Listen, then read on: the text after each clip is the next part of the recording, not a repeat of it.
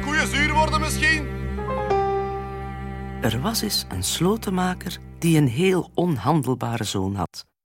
Hij wou al met de trein rijden toen er nog niets anders dan postkoetsen waren. En wat het ergste was, hij nam het de anderen kwalijk dat treinen nog niet bestonden. Manneke, manneke, Sprak de slotenmaker. jij gaat nog vieze, heel vieze winden laten. Het Geluidshuis stelt voor. Zes grimmige sprookjes voor verdorven kinderen. Naar Louis Polboom. Jij gaat nog vieze, werkelijk heel vieze winden laten. Oei, dit stemde de zoon van de slotenmaker zeer bitter. In gezelschap deed hij zijn mond niet open. En als hij werken moest, stonden zijn handen verkeerd. Het enige wat hij wou doen, was op zoek gaan naar het hart van het bos. Graag zou hij het geheimzinnige kloppen van dat hart beluisterd hebben. Hij sloot zich ook veel in de slotenmakerij op als zijn vader er niet was. Hij prutste er een geweer in elkaar, dat nooit zijn doel kon missen. Moeilijk te vervaardigen was zoiets niet. Alleen, hij was verplicht veel tegen het geweer te praten, opdat het hem ging leren kennen en gehoorzamen. Ik ademen. En ah, dan jij doet bang schieten, nu. Als ik zeg dat moet schieten, oké? Dat is ah, een braaf geweest, dat is goed geweest. Op een dag die niet was gelijk een andere, had hij zich met zijn geweer naar het bos gerept.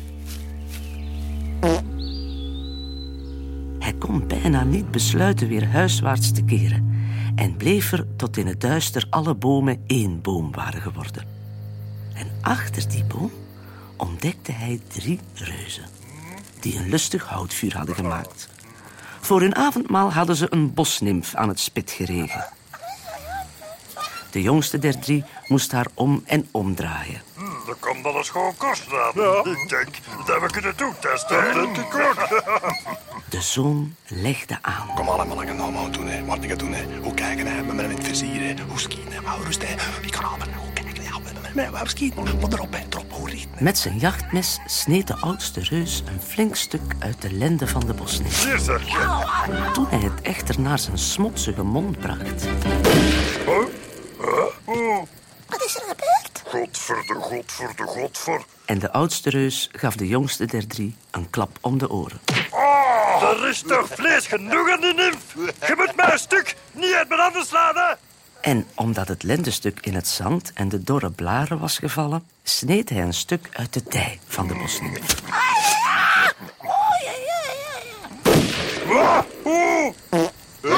Toen begrepen de drie reuzen dat het geen dag was zoals de andere en er iets vreemds aan de gang was. Ze kwamen achter de boom vandaan en ontdekten de knaap met het onfeilbare geweer. Eh, maar, eh, maar wacht eens even. Jij zijt van God gezonder, jij? Wij verlangen voor ons paasmaal toch een prinses? Die woont aan de overkant van de vijver in een kasteel. Maar wij geraken daar nooit. Want achter de heg ligt een hond. En die hond die begint altijd onmiddellijk te blaffen. Te blaffen? Maar jij, met een geweer, jij kunt je dan doodschieten. Maar, maar... Maar alleen om te bewijzen dat hij tot zoiets in staat was, stak de zoon in een roeiboot de vijver over en legde aan op de hond. Maar zoals gezegd, de zoon was zeer eigenzinnig en vertikte het de reuzen dadelijk te verwittigen, Maar morgenavond is toch nog tijd genoeg. dacht hij. En liever ging hij zelf het kasteel in om de prinses te zien die voor paasmaal moest dienen. Moest heel lang zoeken eer hij haar kamer gevonden had. Op zeker ogenblik vergiste hij zich zelfs en zag hij een meid liggen die ook in haar slaap zo scheel keek als een sikkel. Hij gaf haar een klop met een hamer. Toen hij omstreeks middernacht bij de prinses was aangeland, zag hij iets dat hij nooit zou vergeten, al werd hij meer dan honderd jaar. Bij elke trage slag liet zij een van haar sluiers vallen. Maar om niet gans naakt te blijven, besproeide ze zich daarna met geurig reukwerk. Ze stond voor een spiegel en het leek de zoon van de slotenmaker alsof ze van kop tot teen midden door was gesneden en de beide helften hem tegelijkertijd werden getoond. Het was zeer vervelend. Hij wist niet naar welke helft hij eerst moest kijken. Er viel maanlicht door het venster. Het was niet meer dan wat zilverpoeder dat op haar schouders neerdaalde en voor de rest verloren viel op het welvend einde van haar rug. In de diepe plooien tussen de maanbeschenen bergen speelde de nacht blindemannetje. Maar in de spiegel zag hij hoe het maanlicht meteen ook daar wat zilverstof liet neerdwarrelen. De gulzige borsten hadden het meest opgevangen, maar de glooiing van de buik was heel wat minder bepoederd geraakt. Onderaan de buik lag het kreupelbosje al helemaal in de schaduw. Ook daar speelde de nacht hetzelfde spelletje. Onbewust zei hij luidop: Dat zou nu toch spijtig zijn mocht het die fijne vleeswaren voor de reuzen bedoeld zijn, hè? De prinses wist dat de drie reuzen zeer hongerig naar haar waren. Oh, de zoon kon bijna niet besluiten welke van de beide helften het eerste troosten. De maanbedekte bergen die naar hem waren gekeerd en die bij het wenen zachtjes begonnen te schudden als een pudding, of de verschrikte borsten in de spiegel. Oh, wacht, wacht, wacht, wacht, wacht, wacht, dat is niet dat is niet oh, oh, je moet, niet, je moet niet bang zijn. Ik, ik heb een geweer dat altijd raak schiet. En de reuzen komen pas morgen achter en ik zal mij in een hinderlaag leggen. Oh.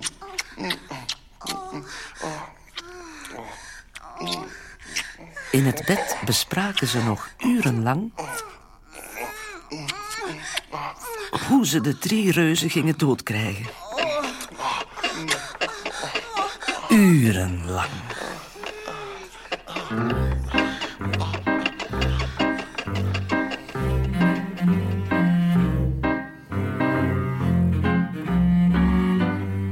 De volgende nacht liet hij de drie reuzen binnen langs een klein raam waar ze zich slechts één na één konden doorwringen.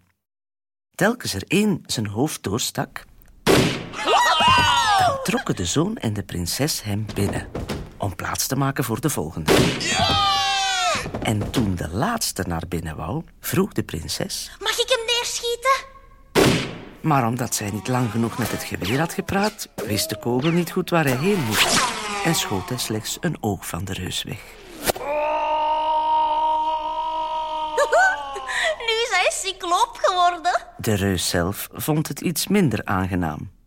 En vrezend dat hij de andere bewoners van het kasteel zou gewekt hebben, haastte de zoon van de slotenmaker zich om hem het hoofd af te hakken. Het hoofd rolde naar binnen, maar het lijf viel terug uit het venster, in de vijver van het kasteel. Wat gaan wij met die reuzen aanvangen?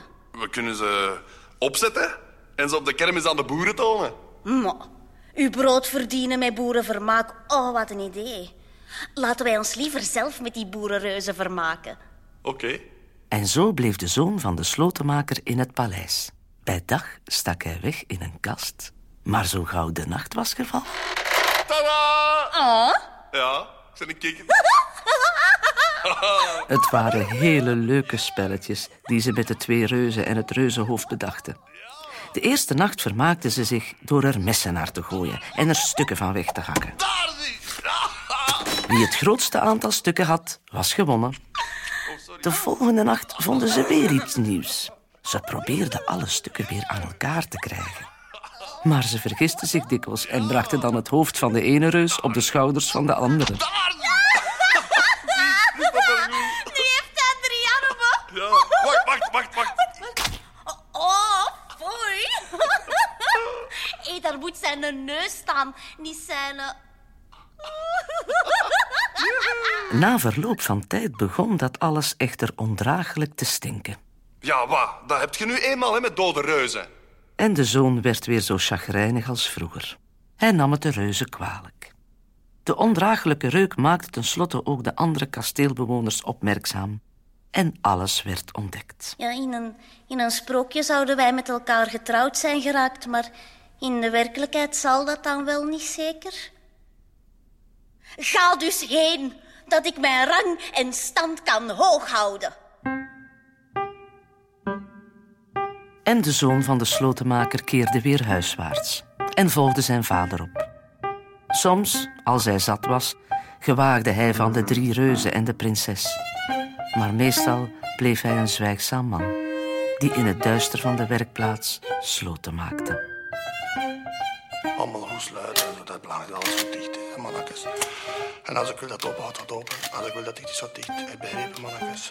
Links en zo, open, rechts is dicht. Links en zo, open, rechts is dicht.